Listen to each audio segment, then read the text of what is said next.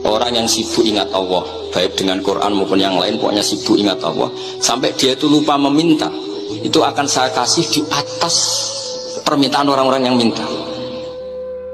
Karena ingat Allah itu lebih mudah, kata Syekh Abdul Haddad, ingat Allah itu lebih mudah. Allah, lahul asmaul husna, Allah arhamur rahimin, Allah ar-rahmanur rahim.